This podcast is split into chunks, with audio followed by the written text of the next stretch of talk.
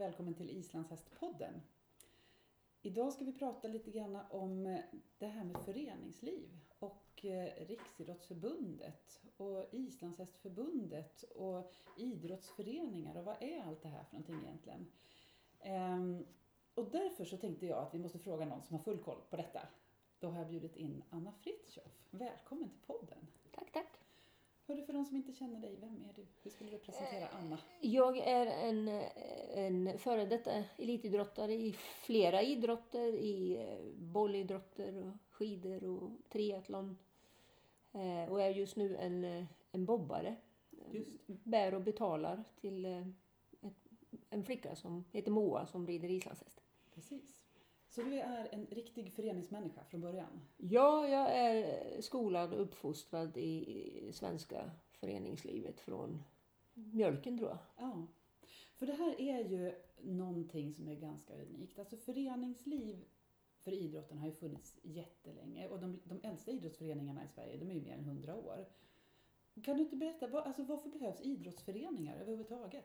Eh, idrottsföreningarna är ju, som du säger, kom ju till under arbetsrörelsen kan man säga. Alltså det är ju den svenska modellen av att alla ska få möjlighet att utöva en idrott utan att det ska kosta alldeles för mycket. Oavsett vad du är för, för kön eller vad du har för inkomst eller ålder eller vad det än är så, så ska man kunna idrotta i en förening. Och du ska kunna få en ledarutbildning i din idrott. Och, ja, det finns många saker som man har jobbat fram och det här är unikt för Sverige. Som, som eh, Frankrike till exempel inom skidor, de har inga föreningar utan de är anställda utav det militära eller någonting sånt där och så gör man några tävlingar. Och, och när man kommer ut i världen så är det här föreningslivet är speciellt och Sverige är bra på lag, att man jobbar tillsammans och det kommer ur det här föreningstänket. Mm. Alltså, idrotter är ju ofta organiserade på, på samma sätt. Eh, vilken idrott man än är med i så är de organiserade lite på samma sätt med klubbar och förbund och sådär. Kan vi inte bara snabbt gå igenom hur det här går till? De flesta av oss är ju med i en islandshästklubb. Ja, men har man skidor då, då har man ju ett skidförbund i Sverige, ett nationellt och sen så är det ju på eller klubbnivå först och sen är det på nationell nivå och sen så har du på internationell nivå på Europa och sen har du olympiska spelen längst bort kan man säga. Mm. Ehm, Och ofta är det ju också så att, att regelverk och annat, det är ju samma oavsett om man tävlar på klubbnivå eller om man tävlar på olympisk nivå, ena eller andra änden. ja, det är samma grundtanke. Det är Ja. den här idrottsrörelsen som är liksom själva grundtanken till alltihop. Ja. Så klubbarna, det är de som vi betalar vår medlemsavgift till och de är med i distrikt finns det ju också däremellan. Ja. Och sen så kommer riksnivån och sen kommer internationell nivå. Och där har vi ju faktiskt samma i vårt islandshästförbund. Då. Där är vi också klubbar först. Och sen har vi ju skapat distrikt. Eh, finns i de flesta delar av landet. Det är några som mera en pappersprodukt än så länge. Men många har fått igång distrikt, också distriktsmästerskap har det varit på flera ställen. Sen har man det nationella förbundet och sen, som är Svenska islandshästförbundet.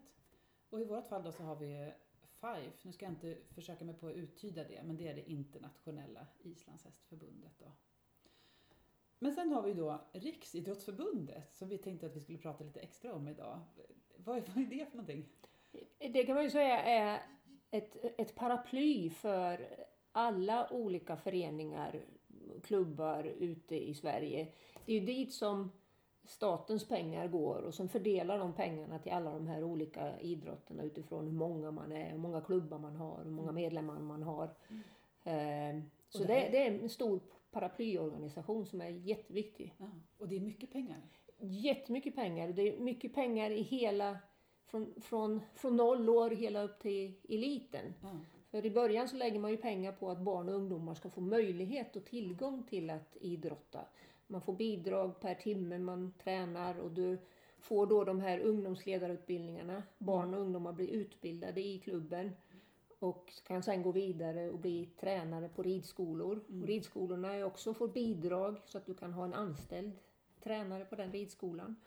Och sen så har du på förbundet då så har du ju eh, tränare som åker ut till de här aktiva eller har läger för de aktiva.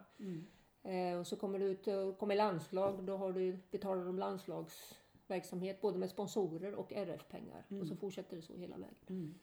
Så alltså i Sverige så har vi ju inte något idrottsdepartement eh, och vi har egentligen inte någon egen idrottsminister heller. Utan just Men vi har Amanda Lind. Vi har Amanda Lind eh, som är kulturminister just nu då, och med ansvar för idrottsfrågor också.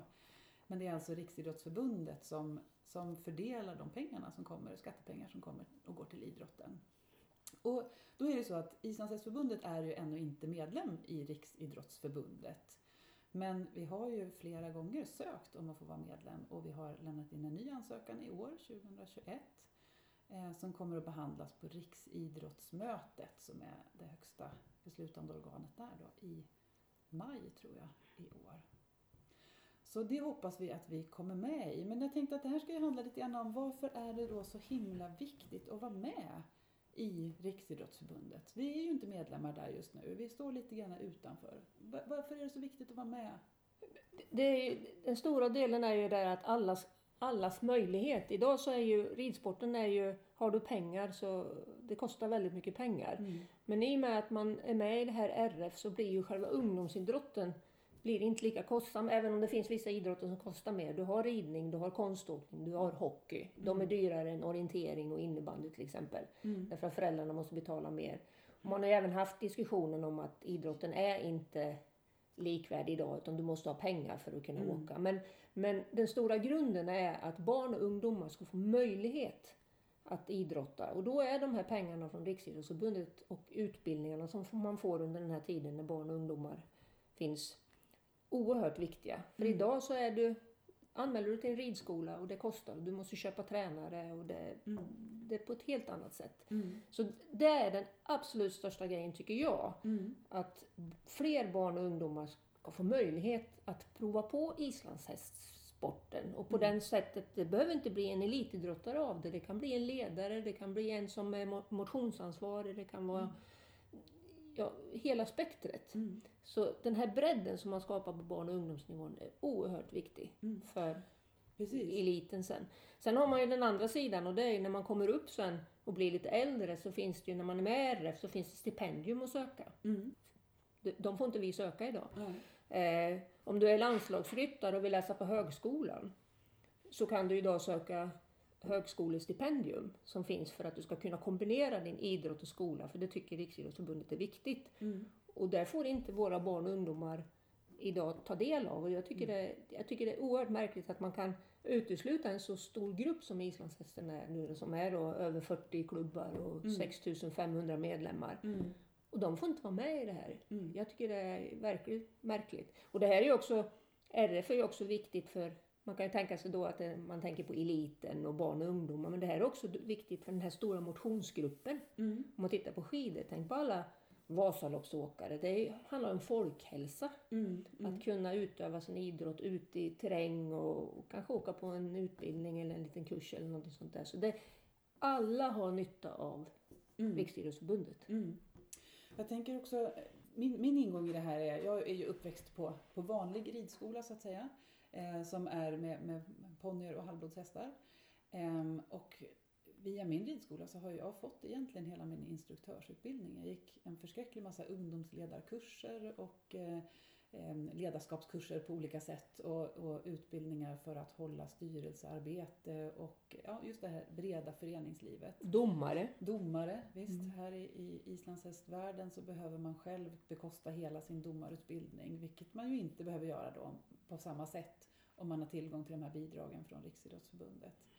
Ehm, så jag tänker att det, det främjar ju inte bara den enskilde idrottaren som du säger utan även föreningslivet i stort. Ehm, för det tänker jag också är en av de absolut viktigaste sakerna med att organisera sig i en idrott. Många tänker ju att, att det kanske handlar mycket om att tävla och att, att eh, utöva idrotten tillsammans med andra. Varför behöver jag vara med i, i Islandshästförbundet? Jag rider bara ute i skogen, kanske man tänker. Men det är ju också så att mycket utbildning och framsteg sker ju via de här förbunden.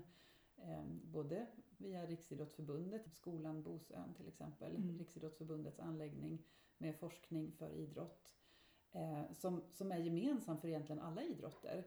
Att, att man behöver få utbildning, både ledare och domare och ungdomsledare och att ja, mycket av det här kommer ju från att man organiserar sig tillsammans. Alla som har ett gemensamt intresse lyfter sin sport framåt. Mm. Och sen, absolut.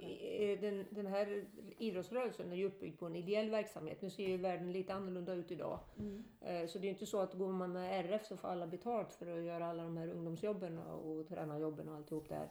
Men, men det handlar ändå som du säger om att man får en gedigen eh, föreningsutbildning som man har nytta av i, i företagslivet eller vad som helst. Det finns ju många ungdomar idag som rider på vanlig ridskola som har fått den här ledarutbildningen och upptäcker att det här är någonting för mig att gå vidare. Mm. Och det säger man ju idag att man vill gärna ha målmedvetna ridtjejer i företagspositioner för de Mm. är väldigt målmedvetna och ansvarstagande.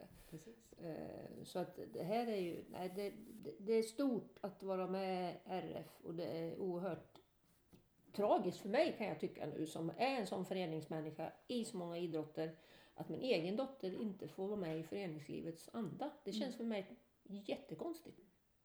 Så egentligen så känns ju det här ganska diskriminerande.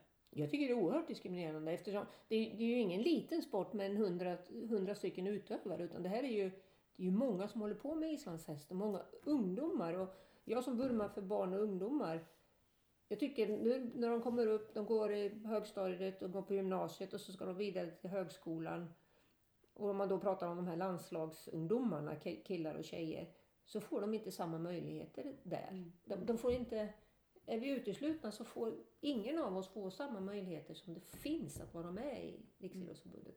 Och man kan ju tänka sig, ja men det där är ingenting för oss. Det är liksom, vad, vad ska det ge oss? Det kommer bara kosta massa pengar.